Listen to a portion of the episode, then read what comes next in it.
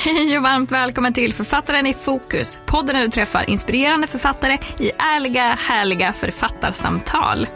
Jag som pratar heter Elin Ireborn och jag jobbar som litterär konsult där jag frilansar som redaktör och lektör bland annat. I det här avsnittet får du träffa Frida Moisto som skriver böckerna som hon själv saknade, nämligen deckare i Jönköpings miljö. Den första boken gav hon ut själv och i det här avsnittet får du veta allt om hennes väg från egenutgivare till att bli utgiven på ett bokförlag. Vi pratar också om hur det är att ta hjälp av en lektör, att skriva om en verklig plats och så avslöjar hon namnet på den tredje deckaren om Lisa Engström. Missa inte det. Men nu sätter vi igång. Det här är Författaren i fokus.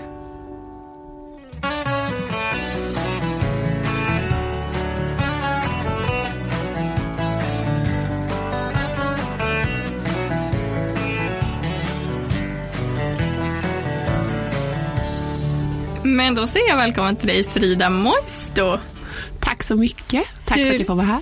Hur var din morgon? Eh, jo, den har varit bra. Eh, det var min man som, som jagade iväg barnen till skolan och föres idag. Det är ju alltid lite av ett, av ett zoo.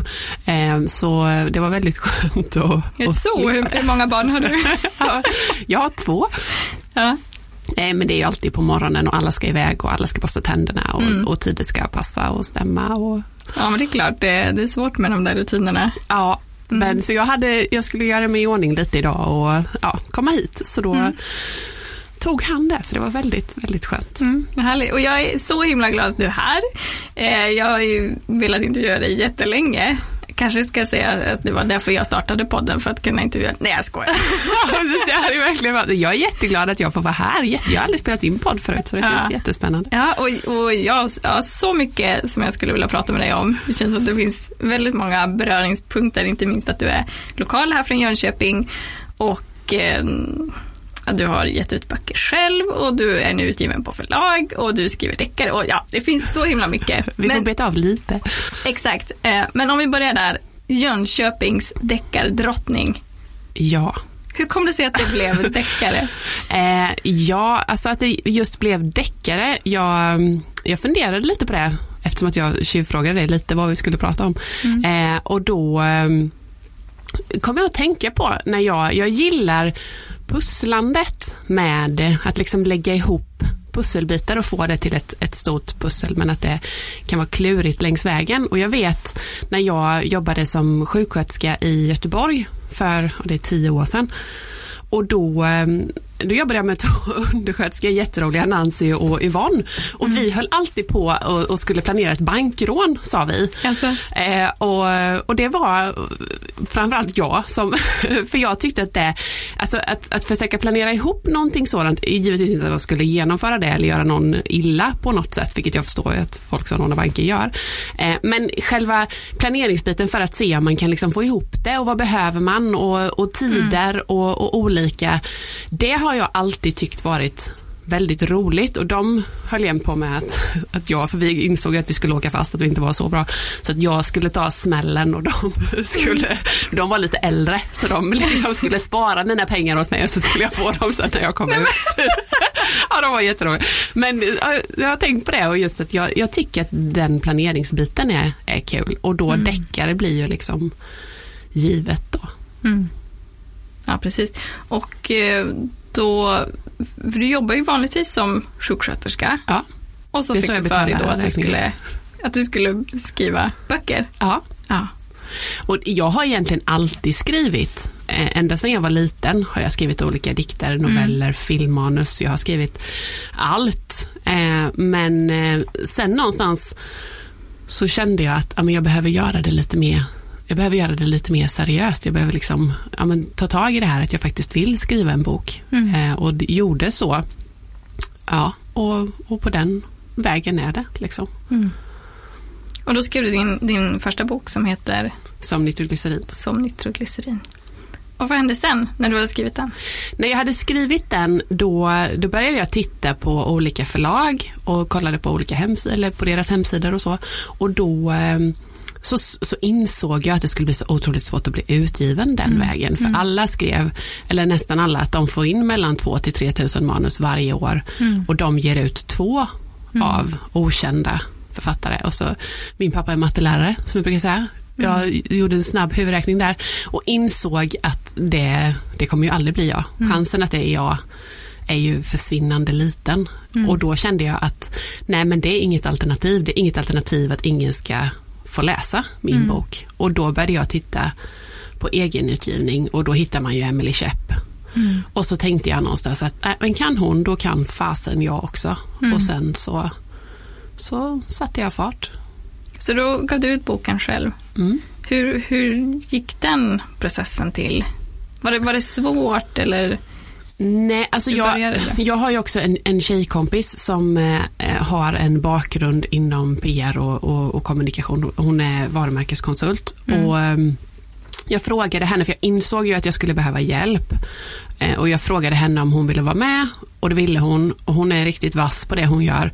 Så då kände jag någonstans att nej, men det, här, det här kommer att funka så länge som, som jag har med henne. Så hon hjälpte Mm. mig med, för jag hade ju ingen budget Mm. och, och, och tala om eh, så. Det är ju liksom, trycka böckerna var ju kostsamt nog. Mm. Men hon hjälpte mig med att inlagorna och, och hela den biten och, och lägga in det så att det liksom blir en, en riktig bok. Mm. Eh, jag hade en tjejkompis som gjorde min framsida som är duktig på det, Charlotte eh, Skau som är jätteduktig illustratör och och sen hade jag mamma som hjälpte mig med, med redigering. Jag hade även en, eh, en extern eh, lektör Mm. som, som hjälpte mig jättemycket också. Mm. Så det var många och sen när, när boken väl var, var sammansatt och då eh, tryckte jag, eller jag gick till Kjells tryckeri som ligger här för jag ville ha något lokalt. Mm. Eh, och eh, de hjälpte mig med en offert och de var superproffsiga hela vägen. Och eh, sen så tryckte vi böckerna och så gick jag till Akademibokhandeln i stan och uppe på A6 och frågade om de ville ta in några böcker. Mm. Jag kontaktade Bokus och Adlibris om de ville sälja på nätet. Och sen körde jag på. Mm. Hur många böcker tryckte du första upplagan? Eh, 2000. Mm. Det är ganska mycket. Ja, Ja. det, min man när jag sa det att jag, om jag frågade om jag fick trycka 2000 böcker, för det var jag tvungen att fråga honom naturligtvis, Mm. så tittade han på mig lite sådär och bara, alltså vet du hur mycket 2000 böcker är? och bara, vad ska vi ha dem? för vi bor i en trea och har två barn. Mm. Och jag bara, det går sådär, vi kan ha under sängen och vi kan ha i hörnet. Alltså jag såg bara lösningar. Och han någonstans insåg ju att jag kommer inte hinna, jag, eller jag kommer inte kunna stoppa henne i det. Så han bara, ja, kör på, jag, är- jag är liksom all in. Och sen kan jag ärligt säga att när Kjells tryckeri hjälpte oss att köra hem alla de här böckerna och vi skulle liksom ha in det så bara, oj, 2000 böcker är mycket böcker. Men det var ju bara, då var det ju gjort liksom, men det gick ju. Ja. Nej, men det är väl, ju- just nu tror jag att snittupplagan för en debutant från förlagen ligger på ungefär 1200 böcker. Ja. Så du toppade ju det. Ja, jag hade faktiskt som mål, för Camilla Läckberg tycker jag ju är häftig. Mm. Eh, och jag vet, eller jag har läst någonstans att hon sålde 1200 Mm. av Isprinsessan, sin, sin första bok, i, i, när, när den gav ut Mm. eh, första gången. Och så hade jag så här, bara det ska jag slå. Mm. Jag bryr mig inte om en pappa som får köpa de 400 sista böckerna. Jag bara, det ska jag slå. Eh, och det, det gjorde jag ju, så det var Ja, för sen, hur många böcker sålde du totalt om man säger innan du blev utgiven av förlag sen? Ja, alltså jag sålde ju de 2000 böckerna sålde jag på tre månader och när de, när jag, så tryckte jag 2000 nya böcker och ganska exakt efter att jag hade beställt andra Mm. så hörde ju bokfabriken av sig. Mm. Eh, så att det blev, jag tror att det var runt 3000 böcker Mm. som jag hade sålt iväg själv när de hoppade på. Och, Det är coolt. ja, Ja, jag, jag är tycker det är jätteglad. Ja, Mm. Det är ju så mycket mer än vad jag hade vågat drömma om. Eller... Men vilka var det som, som köpte? Alltså, det var ju, det som var så, eller roligt var ju att det på något sätt så spred det ju sig att det fanns en Jönköpingsdeckare och jag, det var ju lite min, för jag har ju varit så sur över det att det inte finns en deckare som utspelar sig här bara i Jönköping.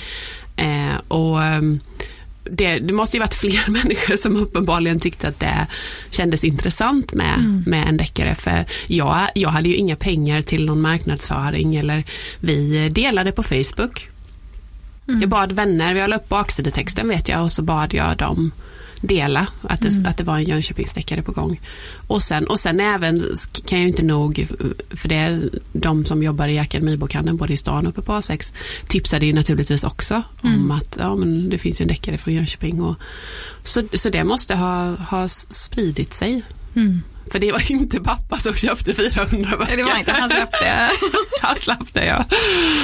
Ja, men du, du sa att du ville, att du ville slå Camilla Läckbergs liksom första upplaga eller om man säger eh, utgivning av det.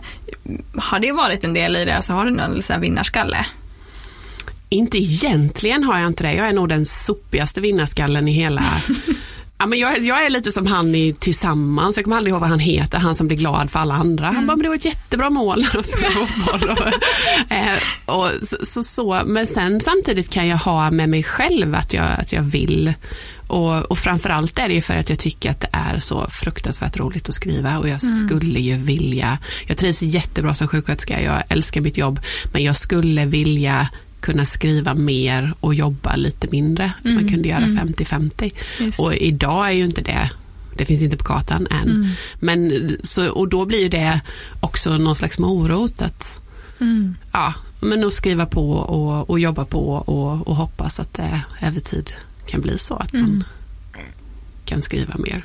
Men, men om det skulle vara så att eh, du tids nog tjänar så pass mycket att du skulle kunna sluta helt som sjuksköterska, tror du att du skulle göra det? Nej, det tror jag inte. Nej.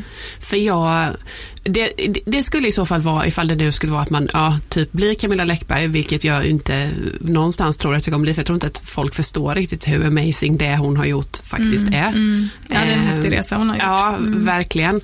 Men eh, nej, jag har svårt att se att jag, jag trivs bra med att vara arbetskamrat och ha människor runt omkring mig. Det blir väldigt ensamt att sitta och skriva. Mm. Mm. Så att jag, jag, jag, tror inte att det är, sen är det ju givetvis om jobbet då skulle vara så pass flexibelt och kunna ja, men ställa upp på att man kanske behöver vara ledig ibland och det är ju inte mm. det lättaste heller, alltid. Nej, men Regionen är, är, ju liksom, jag menar det måste bemannas, det måste alltid vara någon där och mm. så att, men inte, jag, jag trivs bra som, som sjuksköterska med arbetet med patienter och det tycker jag är jätteroligt mm. och, och givande och behöver det och arbetskamrater och hela den. Mm.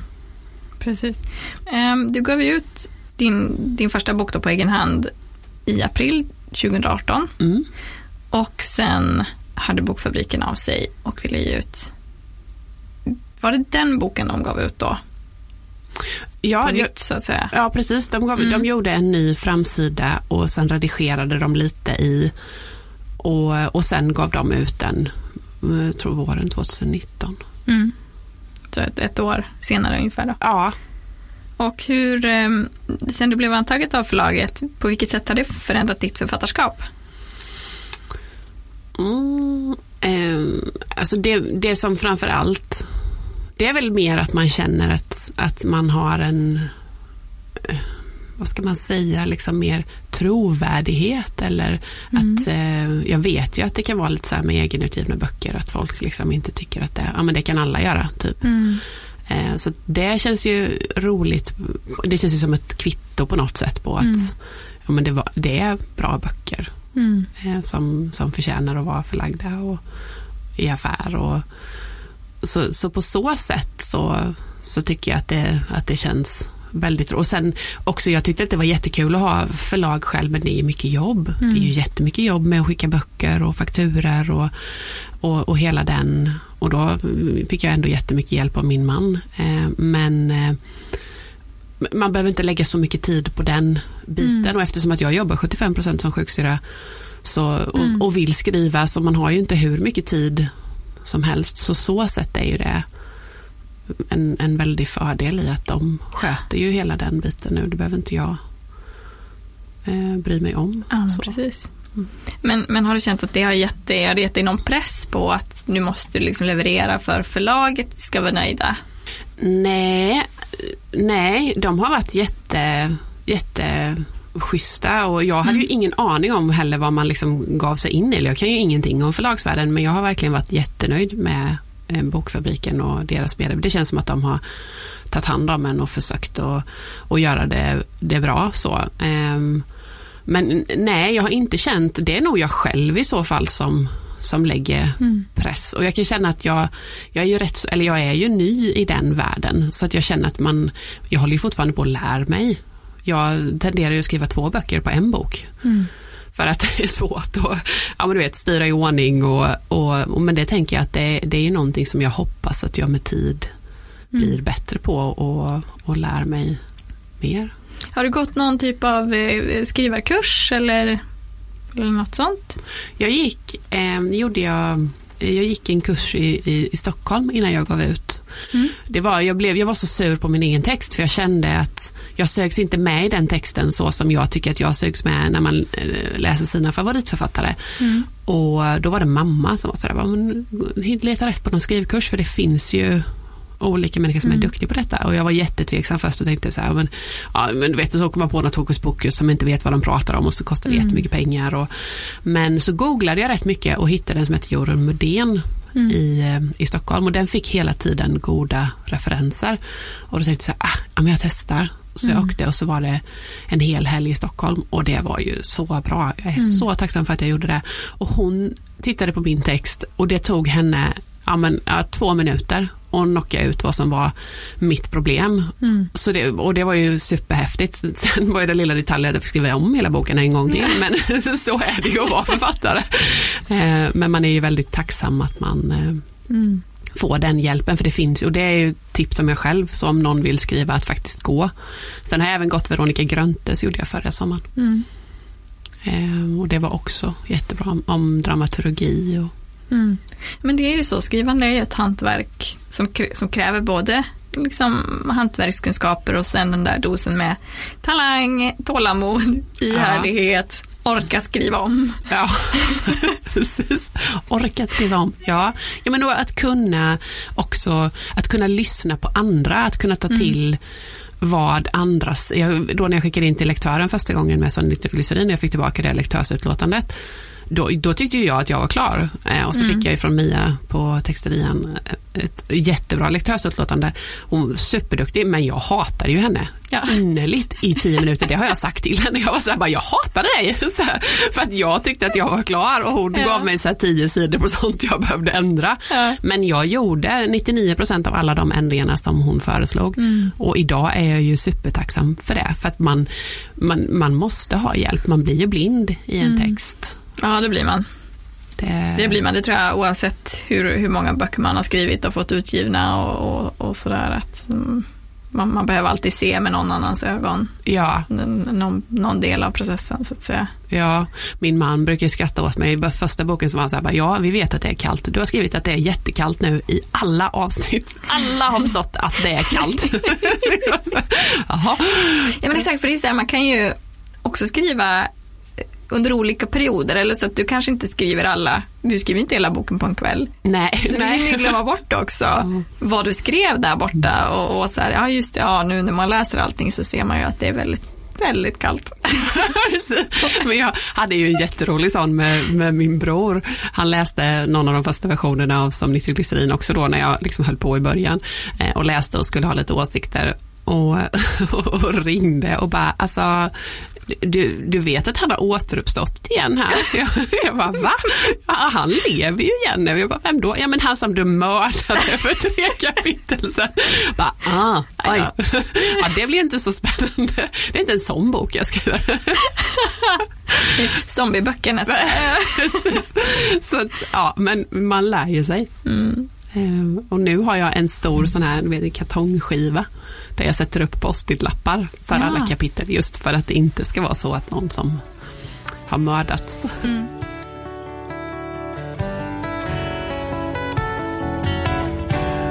Nu, nu skriver du på tredje boken. Mm. Andra boken kom ut i höstas, Mm. Drakar lyfter i motvind. Mm. Och nu är du igång med, med manus till bok tre. Mm. Sjukt spännande. Mm. Känner du att du har liksom utvecklat ditt skrivande liksom i, jag tänker mest processen kanske? Att, går, går det fortare att skriva tredje boken nu eller hur?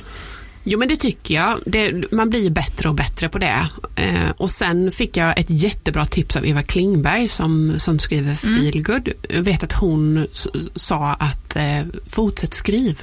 Mm. Att fastna inte, för det kunde jag göra ibland sådär att om jag inte fick till knorren på det kapitlet eller avslutningen där eller visste precis vilken cliffhanger det skulle vara, mm. att jag fastnade lite där och då vet jag att hon sa sådär att hon alltid fortsätter skriva och det tycker jag har varit ett väldigt bra tips och det är jag bättre på nu att ja, men då hoppar jag det och, mm. så, och så skriver jag bara och så går man liksom tillbaka till det sen så får mm. man pussla ihop det.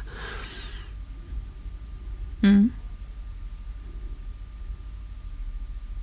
Precis, det, det, tror jag nog är väldigt bra och, och som du säger inte fastna. Nej. Utan att komma loss. Mm. Ja men precis, man behöver det. Harklar jag mig just i micken nu. och jag fastnade precis. Det blir ett bra avsnitt. skrivandet. Om man fastnar i podden så måste man också bara prata på. ja, precis. Ja, gud. Det, det blir bra det här. det blir bra det.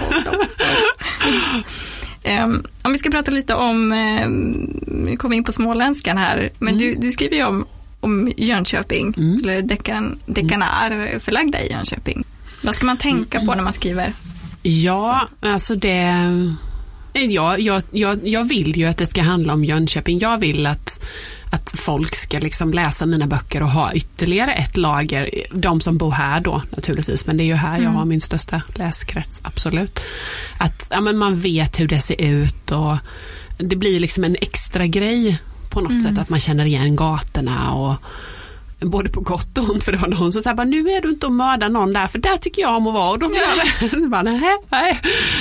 Um, nej men just det, det finns ju en, eh, förlåt jag avbryter det, men det finns ju en bro som går vid Pingstkyrkan där det sker mm. någonting ja. väldigt hemskt. Ja, jag ska inte spoila nu, Nej. men varje gång jag åker under den bron så tänker du på det. Så tänker jag på det.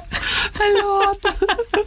jo men och det är ju lite sådär, jag brukar gå runt och, och titta men för att liksom men vad känns som Jönköping och vad har jag inte varit innan och att man mm. ja, men försöker att, att sprida ut det eller ja, men få med alla eller många delar av av Jönköping. Det var någon som sa så här, ah, men då får väl du åka så här, och göra research på typ så här coola ställen liksom. Och det bara, ja, det beror ju på hur man ser det. Alltså det jag tar ju biken ner till Rådhusparken. Jag vet inte om det är så himla happening. Men, men det är ju det jag har velat. Mm. Att, och jag spenderar mycket tid med eh, att gå runt och jag brukar stanna upp på olika ställen och skriva ner framförallt i min mobil eller ha någon liten bok med vad har jag här, hur mm. doftar det, hur känns det.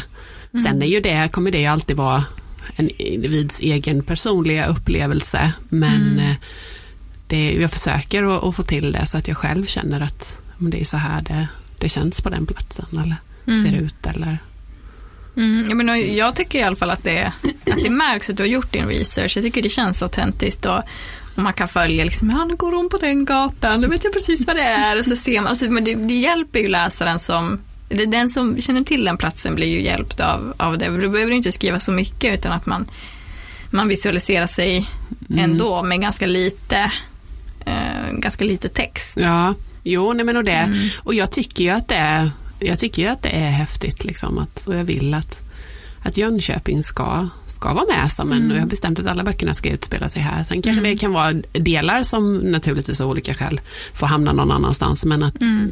det, de ska liksom vara här. Jag tänker så här, en fjällbacka kan trollbinda mm. hela världen så ska väl Jönköping också kunna göra det. Ja men verkligen. Jag, jag tycker Jönköping är en av de vackraste städerna i Sverige. Jo men och sen finns det ju så mycket här kring och, mm. som, att skriva om. Jag har ju en sån dröm att skriva någonting om tändsticksområdet. Jag skulle tycka att det var jättekul att, mm. att få gå in där och gå tillbaka och ja. titta hur det var och på något sätt skriva eh, ja men du vet någon sån dubbelhistoria både historiskt. mm, dåtid och nutid och hur det på något sätt påverkar. Eller, det är ju en sån dröm som jag har, men den drömmen den ligger på hyllan tills, för då måste jag jobba mindre än Mm. vad jag, för det blir ett Och du tänker att det skulle vara en, en annan bok, det skulle inte kunna vara, eller Jo, en annan serie, men det skulle inte kunna vara en del av, Jo, det är absolut en del i. Lisa-serien, men eh, den måste vara när jag förhoppningsvis inte behöver jobba lika mycket för att jag hinner inte. Jag har Mm. blivit bättre på det också så- och något, på något sätt att inse mina begränsningar, att jag kan inte göra allting, det går inte, då mår jag inte bra. men menar du att den skulle exempel kräva för mycket research? Ja, eller, Eller- mycket research Mm. av mig och då skulle jag vilja försöka få till det så, Mm. så, så bra som möjligt. Eh, Men eh, vi får väl se, sen kanske jag får jobba 75% och bli sugen och göra det ändå. Man vet inte, Ja. men eh, det, det är definitivt en dröm. Men hur, hur många böcker har du planerat för nu? Jag har hemma nu, nu är det, jag, hade fem böcker, nu är det sex. Mm. Det blir lätt att det, jag är ju absolut inte färdig med, med den karaktären. Nej. Sen är det väl, sen får man ju hoppas att, att folk vill fortsätta läsa för annars kommer jag ju inte kunna skriva om henne. Mm. Eh, men, eh, men det hoppas jag ju naturligtvis så att jag tänker att det ska bli några stycken böcker. För Mm. det, det tror jag behövs om man ska få med allting som jag vill ha med Mm. och hur det ska bli. Och... Kan inte avslöja någonting om nästa bok? Någonting. Jo men jag kan avslöja att jag har varit arg på alla karaktärer. Oj! Jättearg på alla. Så Mm. de, eh, ja. Usch, ja. Men jag tycker... För att de gör dumma dumheter, grejer? ja, det, de gör dumheter allihop. Och, eh, men jag tycker också, och det känns jätteroligt, jag sa det till min man, för det är ju alltid det upp och ner i en, i en process. Och ena stunden tycker man att boken är skitbra och andra stunden så går man och slänger den i papperskorgen och tänker att det är ingen som kommer vilja läsa den, det går duger Mm. till dasspapper typ. Eh, men eh, nu är jag någonstans där jag, men jag känner att det här blir bra. Det känns jättebra och det, det är roligt att ha den känslan. Sen kommer de här dalarna igen när jag, ja, men eh, det känns kul att ha den känslan ändå att jag tror att det här kommer att bli bra. Och sen nu så står jag inför inom typ två veckor att lämna över till testläsare. Mm. Och det är ju också jätteroligt att få andra människors synpunkter och åsikter. För Mm. det är ju så otroligt viktigt Mm. att, eh, att få deras input. Och, och min man ska få läsa. Jag, blir, jag, är så här, jag vet inte varför, jag är superkänslig med det. Att jag, han får liksom inte titta på datorn när jag sitter hemma och skriver innan det är klart. Eh, men då kan han ibland så här, men du vet, luta sig över och typ ge en puss på kinden eller liksom. Mm. Och då kan jag säga, "Men titta inte! titta inte på skärmen! Liksom. Och han bara, okej. Men han vet det nu att jag är, ja jag vet inte varför, det är så här, innan det är färdigt liksom, Mm. så vill jag inte ha någon annan. Min dotter kan ju läsa nu. Mm. Vet jag, hon satt och så satt jag med datorn en kväll när de satt och tittade på tv och då började hon titta på datorn och jag bara nej, mamma vill inte att du tittar för det är inte färdigt. Så tänker jag så här, det är lika bra att de läser det från början. Det är känsligt tills jag liksom har bestämt mig och, och lämnat iväg det. Mm. Men då kan du ändå sitta och skriva tillsammans med familjen runt omkring. Ja, sen, sen kan jag inte säga att jag, jag gör några större grejer då. Mm. För att jag behöver ha tyst och lugnt. Men jag kan du vet sitta och ändra kapitel och eh, numreringar och kolla stavfel och sådana grejer är ju helt eh, nu är det ju lite speciellt eftersom att min man jobbar hemma. Så blir ju det de här skrivdagarna som jag har. Mm. Så är ju han hemma också. Men vi sa det, vi var på ett lilla hushåll ihop och igår han hade möte med sitt jobb och fick sitta inne i sovrummet och jag satt i soffan och jag var så här, men du störde mig inte. Han bara, nej inte du heller. Så det, man får ju det ändå att- att funka. Mm. Eh, vad, vad gör du om du, om du om du känner att men nu har jag fastnat? Eller liksom nu, nu går det inte. Nej, då brukar jag, antingen så brukar jag, alltså då får man lägga undan det och så brukar jag gå en promenad. Det är en sån där, jag brukar ta musik som jag tycker om och så går jag ut och så går jag en riktigt lång promenad för då är det oftast att, att huvudet Mm. ja, men kopplar av och kopplar upp Mm. på, på något sätt och så liksom då släpper det. Och sen också det här att, ja men då hoppar jag det med. Om, det, om jag känner att nej, men jag, jag får inte till det, då hoppar jag det och så, och så fortsätter jag för att jag vet oftast, oftast har jag rätt så fort klart för mig vart jag ska, hur mm. det ska sluta. Så att jag vet liksom, ja, slutdestinationen och så får man, då får man liksom hoppa det kapitlet och så får man jobba mot den. Mm. Det, det, brukar. Och sen tänker jag, skulle jag köra fast fullständigt, då skulle jag ju höra av mig till någon som man litar på som bara, kan du läsa? Eller min förläggare, mm. bara läs och hjälp mig. Mm. Så, så det, det, har faktiskt inte hänt att jag inte har inte har fått ihop det eller inte, inte än i alla fall, peppa peppa ta i trä. Mm. Utan att det har, jag, jag, kan ha kört fast på små grejer absolut och fått hoppa över men inte så här så att man känner bara att nu går det inte, det blir ingen bok. Mm. Um. hur, mycket, hur mycket planerar du på förhand? Du ser att du har lite kapitellappar och sådär men mm. nu vet jag inte riktigt var, eller nu är du i slutet av processen. Mm. Alltså det, där håller jag ju fortfarande på att lära mig känner jag. Där håller mm. jag fortfarande på att jobba in mitt sätt. Jag har försökt, jag har läst om vissa författare som, jag vet att Emily Schepp gör så, Pascal Engman, de bestämmer hela sina böcker innan. Mm. Vet precis vad som ska hända, lägger jättemycket tid på det för att, för att pussla ihop det. Jag har försökt det och det tar död på all min kreativitet. Då mm. vill jag inte skriva. Jag tycker inte att det är kul. Nej, det blir inte spännande. Nej, inte någonstans. Mm. Så då, och då läste jag i en annan sån skrivbok, eller vad man ska säga, men hur man, hur man skriver böcker. Då var det en, en tjej där som tipsade om att hon, hon skrev typ 70% av boken fritt liksom mm. i flow bara. Och sen när hon hade skrivit 70% då satte hon sig ner mm. och bestämde och liksom la upp hur ska det vara, vad ska vara twisterna, vändningarna, vilka mm. karaktärer ska vara med. Så det gjorde jag med denna boken och det funkade väldigt bra. Mm. Det, så att jag tror, eller jag kommer göra samma nästa gång med, att jag är rätt så fri i början och sen när man har skrivit tillräckligt mycket så, så sätter man sig ner och sen bestämmer man och sen ändrar jag i alla fall som nu när man sitter och redigerar och mm. man upptäcker att det funkar inte eller mm. det funkar bra. Men det känns ändå skönt att, att någonstans hitta ett arbetssätt mm. som, som fungerar. Mm. För det är ju ett arbete, eller det är ett hantverk. Mm. Ja men det är det ju, det krävs mycket, mycket fram och tillbaka och kill your darlings. Ja. Och, Verkligen. planera om och hamna ja. i Ibland kanske man liksom målar in sitt hörn. Mm. Eller skriver in sitt hörn. Mm. Att bara, hur fasen ska de ta sig ur det här? Precis, ibland byter man mördare, det brukar jag göra. Det blir jättekrångligt. Oh. bara så här, då måste man ändra allting, annars stämmer inget. Men, eh, ja. Eller byta mördad, så det slutar några som är återuppståndna sådär och man vet inte riktigt vilka, vilka har dött och vilka... Precis. Ja, mm. nej, det, det, det, det är spännande att skriva böcker.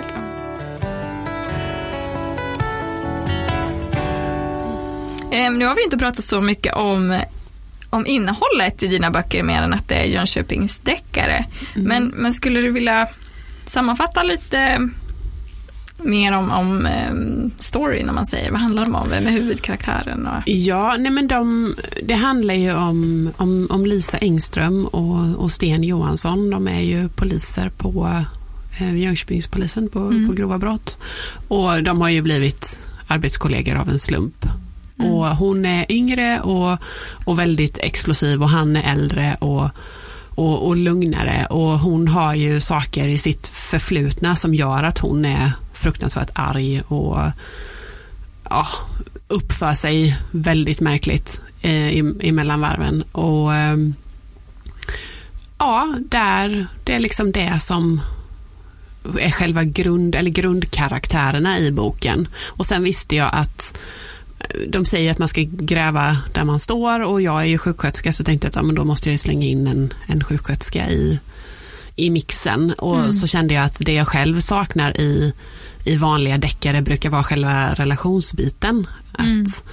Ja, men oftast är, är det ju någon äldre man som är polis som har alkoholbekymmer och, eller så tycker jag att det är någon, någon ung kvinna som inte kan få barn eller mm. ja, alltså, och då kände jag sådär att jag, det vill inte jag göra. Jag ville, jag ville göra någonting annat och och genom att, att, slänga in Jonas då som Lisas, som, och de är också väldigt olika, så kände jag att ja, men det kommer bli en intressant... Mm, för det är han som är sjuksköterskan. Ja, mm. en intressant mix mm. av det och sen även att det finns saker i hennes förflutna som, som kommer att knacka på och som rör upp saker och ting för att ställa till det. Hon har gjort dumma saker som hon inte vill stå till svars för och, mm. och sen är det ju i Som nitroglycerin så där är det ju en, en advokat som hittas död Mm. Och de förstår rätt så snabbt att den här mannen inte har rent mjöl i påsen. Och misstankarna vänds mot en eh, grupp, en samtalsgrupp med, med för utsatta kvinnor. Och Lisa är ju egentligen den enda som säger det. Alla på polishuset känner att den här mannen han har bara fått det han har förtjänat. För mm. han eh, har försvarat en polismördare så han är inte superpoppis på polishuset. Och sen kan man säga att så avslutas ju den boken eller liksom det, det, får ju sin lösning. Och sen i, i bok två så är det ju en, en ung man som hittas överfallen nere på piren. Och Johan Lundblad och han är Jönköpings innekille. Mm. och de förstår inte riktigt detta, de tänker att det är något barslagsmål som har gått överstyr och liksom flyttat med ut utanför krogen. Mm. men sen börjar de nysta lite och, och inser att han bär på hemligheter och när ytterligare en person i hans innersta krets hittas död så inser de ju att utredningen är väldigt mycket större än vad de trodde från början. Mm. Så. Ja, det är så bra. och jag, jag gillar dina böcker för att um, jag tycker du skriver ganska rått. ja. Och du, jag tycker du gör det bra. Det är inte alla som gör det bra. Eh, men men det, det lyckas du med som, som gör att, eller som jag tycker sticker ut från vissa andra eh, deckarförfattare. Där det kanske är mer krim, men du mm. lyckas få in de här scenerna som är liksom äckliga, obehagliga och man blir sådär, hmm. mm. ja, liksom när man ser den där bron då igen, så bara, jag vet Nej men jag kände också att det, det beror ju helt på vad man gillar för stil och, och hela det här. Och, men jag läste ju Jens Lapidus, jag vet inte om det är mm. Lapidus eller Lapidus, jag kan aldrig lära mig det. Um, Gud, jag vet inte heller. Nej. Jens Lapidus skulle jag nog säga. Lapidus, men, ja. Jag kommer ihåg när jag läste hans Snabba Cash och första gången man såg den Alltså det sättet att skriva på, det var, då, det var en polett som ramlade ner för mig någonstans att bara, aha, man får skriva så här. Man måste liksom inte hålla sig till det som var vanligast innan. Du kan liksom få, få skruva till språk och, så att det verkligen känns som att det passar de karaktärerna. Mm. Det var ju en sån, för mig, eh, rent stilmässigt, så kände jag att det öppnade väldigt många dörrar eller att det liksom var okej okay att, göra det. Och då när man nu, när jag som då i, i som nitroglycerin som ändå handlar om mäns våld mot kvinnor så kände jag att det, jag kan inte skriva en sån bok och liksom försköna våldet. Mm. Kände jag någonstans att nej det, det går inte, då, då, det får bli en otäck bok för att det är ett fruktansvärt otäckt ämne. Mm. Det, det liksom gick inte och sen är ändå inte det, det mest otäcka inte med för det har jag fått ta bort för det hade jag andra människor som tar till mig att vi pratar för hela mänskligheten nu när vi säger att ingen vill läsa det här. Så då, då gjorde jag ju det, för man måste ju lyssna liksom. Bara så du vet. Så det finns alltså någonting ännu råare där som du har skrivit men ja. som ingen får läsa. Nej, Och det har inte... du i en, eh, i en gömd eh, ja, box. På min dator. jag ser framför mig ett kassaskåp. Nej. När någon skriver en deckare om Frida Moiser, någon som är ute efter den här scenen. nej, nej, nej, det ligger i, nej men och det är också en sån, det är, då är vi tillbaka till det där igen, att man måste ju ha bra människor runt omkring sig som, mm. man, som man litar på. Och jag är jätteglad för att vi tog bort det, för det, det hade inte tillfört någonting till historien Nej. egentligen. Det var inte alls nödvändigt. Liksom. Ehm, så att jag, det är nog därför som jag, jag blir rå, eller jag blir för att jag tycker att det är ett bekymmer. Liksom. Det är inte mm. okej.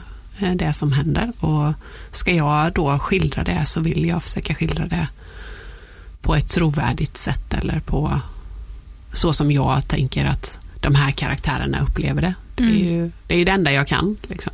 Mm. Finns det något genomgående tema i böckerna som, som syns liksom genomsyrar allt? Ja men det är väl jämställdhet kan jag väl. Mm. Det tycker jag ju är oerhört viktigt. Um, så att det och det, det vet ju du med, man lägger så mycket tid på en bok. Mm. Det är så fruktansvärt mycket tid och ska man, ska man göra det så jag måste göra det och ett ämne som jag känner för eller mm. brinner för. Det är något annat det är inte tänkbart för mig utan det måste vara någonting som jag tycker känns viktigt. Mm. Varför då? Ja, varför då? Ja, men jag, jag uppfostrar ju en, en, en pojk och en flicka och jag vill att de två ska ha samma möjligheter. Mm. Samma rättigheter och samma skyldigheter och, och samma möjligheter. Mm.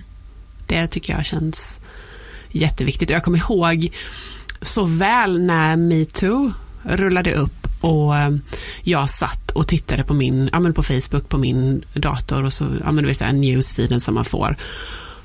Och jag skojar inte om jag säger att 80% av alla mina tjejkompisar, alla kvinnor som jag hade i, i ja men som vänner liksom skriver metoo. Mm. Och då kommer jag ihåg så här, man bara, alltså det här är ju helt sjukt. Det här mm. är ju liksom så, det är nästan alla mm. liksom som någon gång har. Det är ju så inte okej. Okay. Och vilket jättestort bekymmer det är. Och så liksom tittade man på sin egen dotter då som, som vid det, typ, hon måste ha varit fyra, fem. Och liksom så här, bara, ska jag säga till henne då eller ska jag nöja mig med att liksom, ja, men ett sexuellt övergrepp eller det, det får du liksom räkna med. Så, mm. För det, mm. tyvärr så är det så att för 80% så kommer det att, mm. att inträffa, eller vilken procent det nu då. Eh, och då kände jag bara, nej, det här är liksom inte, och lika lite som jag vill att, att Harry, min son, skulle begå ett sexuellt övergrepp på någon annan. För det, det kan jag också känna att det blir så märkligt i hela diskussionen när nästan alla känner någon som har blivit våldtagen men ingen känner en våldtäktsman. Mm, Den mm. går ju inte ihop. Nej, precis. Och då tänker man det att alltså, ja, men man vill skapa så, så bra förutsättningar som, som möjligt för, för sina barn för att, det, för att det ska bli annorlunda för dem. Mm. Och likadant med som jag också säger med, med machokultur och som jag känner att jag inte vill att min son jag vill att han ska få vara känslig om han är känslig och jag vill att han ska kunna gråta om han eh, vill det. Liksom att man inte uppfostras i att man ska bita ihop och bara ta och inte mm. liksom. Det finns ju jättemånga sådana viktiga som jag, som framförallt för dem som man känner att man vill göra det annorlunda. Mm. Ja, men det, det blir ju så att du gör det och jag, jag, tror att böcker har ganska stor makt att påverka oss mycket mer än, än vad man tror. Ja, men och jag känner lite så här, alltså om jag nu då har tio minuter som, där folk faktiskt läser det som jag har skrivit, då känner jag att ja, men då, vill jag ju, då vill jag skriva det om mm. det som jag tycker är viktigt. Mm. Det, och igen, det är så mycket tid så jag skulle inte kunna lägga det om jag inte tyckte att det var viktigt. Mm. Eh, då skulle man ju inte palla. Liksom. Det, eller jag skulle inte göra det i alla fall. Mm. Många författare känner nog igen sig i det. Mm. Okej, men vi ska avsluta med en liten eh, en liten lek. Ja, Nej. spännande. som jag kom på precis här nu. Ja. Okej, och då, då ska du säga, du ska säga ett ord som beskriver dig själv. Och sen ska du säga, om du, om du inte fick skriva deckare, vad skulle du skriva då för genre? Så börja med ett ord som beskriver dig själv. Envis. Envis. Den är given. och om jag inte fick skriva deckare, um, då skulle jag nog vilja skriva feelgood faktiskt. Mm. Ja, Tvärt hela, hela men, ja, men för det, jag kan känna ibland att um, jag blir trött på jag älskar Lisa, hon ligger mig supervarmt om hjärtat sådär. Men mm. det, alltså, jag är ju ingen arg person själv. Det verkar vara många som tror det. Som kan vara sådär, eller att jag pratar som hon gör, det gör jag inte heller. Mm, så, så ibland kan ju det bli påfrestande, liksom att alltid vara, samtidigt kan jag plocka fram henne, jag har henne precis så att jag vet liksom, men i hennes ilskna att det skulle vara skönt att bara, mm. man hänger med någon som är lite chill, som mm. liksom gillar läget och bara, åh, nej men hon är kär och liksom, eh, ja, så det, det skulle det nog bli i så fall. Ja. Jo, jag kom på en annan spännande fråga. Mm. Skulle du kunna tänka dig att skriva en bok tillsammans med någon? Ja, det skulle jag absolut. Det tror mm. jag. Om man liksom märker att man har ja, men samma stil eller samma, att man, att man eh, kompletterar varandra så mm. alla gånger. Mm skulle jag kunna, jag är så imponerad av Kepler i det. Mm. Och jag brukar alltid när jag läser deras böcker försöka säga bara, ja men vem har skrivit detta kapitlet? Ja. Försöka hitta deras något, stil. ja men precis, liksom. något annat, mm. alltså så, vem är det som är, men det går ju inte. Det är helt omöjligt tycker jag att, att, att, avgöra vem som har gjort vad. Men jag har läst någonstans att de, den ena börjar kapitlet och den andra avslutar och så liksom växlar de det. Jag vet inte om det stämmer men mm. Eh, det skulle ju kunna förklara att de, för de är ju så fruktansvärt duktiga på det. Mm. Vi kan väl förtydliga för den som inte vet, känner till Lars Kepler så, så är det en pseudonym för Alexander och Alexandra And Androil, heter de väl? Ja, väldigt bra eh, poäng. Och som också är ett eh, gift par. Så det är ju också så här, man bara, hur lyckas de med det? Ja, det är verkligen, och de är ju så duktiga. Och jag brukar också säga om man ska skriva något creepy så brukar jag ibland mm. gå tillbaka och titta i deras böcker. För det är de mästare på, att skriva riktigt, alltså så mm. få till mm. obehaglig stämning. Mm. Jag vet att det heter Kaninjägaren när det är någon eh, kvinna som går in i något hus och man förstår att det kommer gå dåligt för henne i det huset. Mm. Och jag vet att jag satt så här och bara, gå ut, Ja. Snälla gå ut, gå ut människa, bara gå ut. och det tycker jag är så imponerande att kunna ja, men bygga upp den otäcka känslan. Mm. Liksom. Så, och det är ju så man får göra, man får ju kolla på dem som, som gör det bäst och försöka härma. Mm. Um. Ja men precis, jag tror det är också viktigt att ha förebilder. Ja, mm. absolut. Och jag läser ju mycket. Sen läser jag mm. inte så mycket som jag skulle önska, för det hinner jag inte, men jag läser ju mycket så är det ju. Ska man skriva så tror jag att man måste läsa. Mm. Ja, visst. Det är väldigt svårt annars. Läsa och även analysera lite. Ja, mm. och titta hur de har gjort. Och mm. Hitta de där knepen. Mm.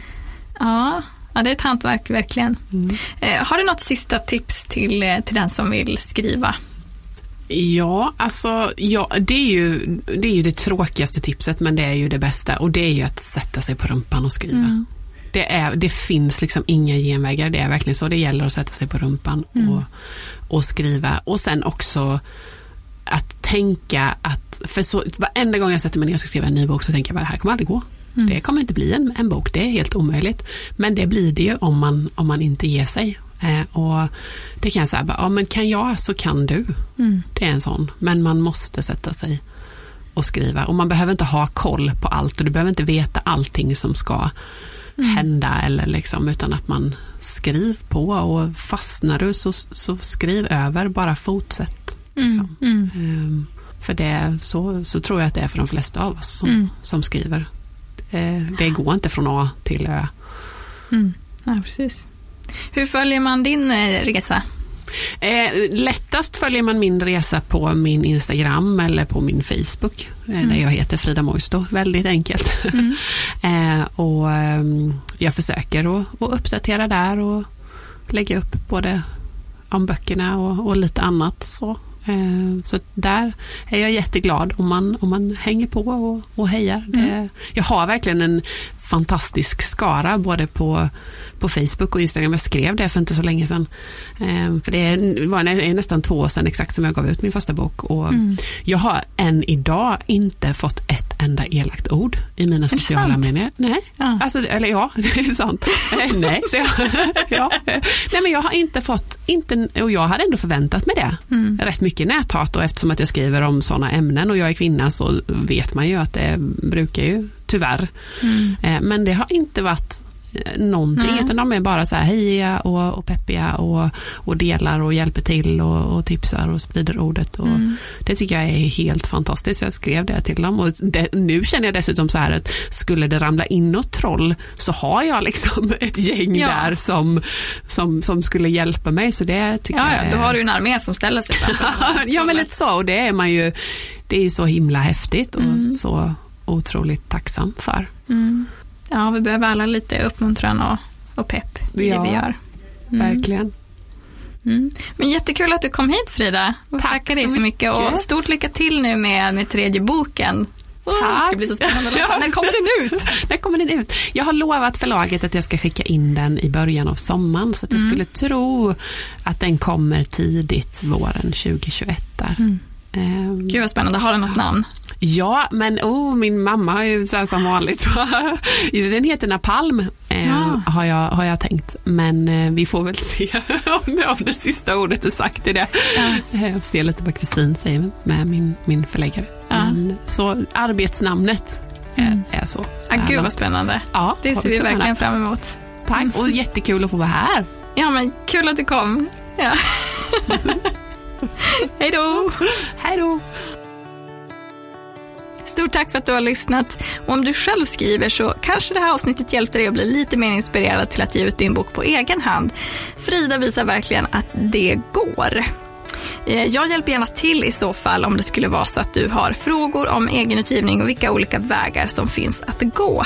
Mig hittar du på Instagramkontot Författaren i fokus och på www.peopleandstories.se.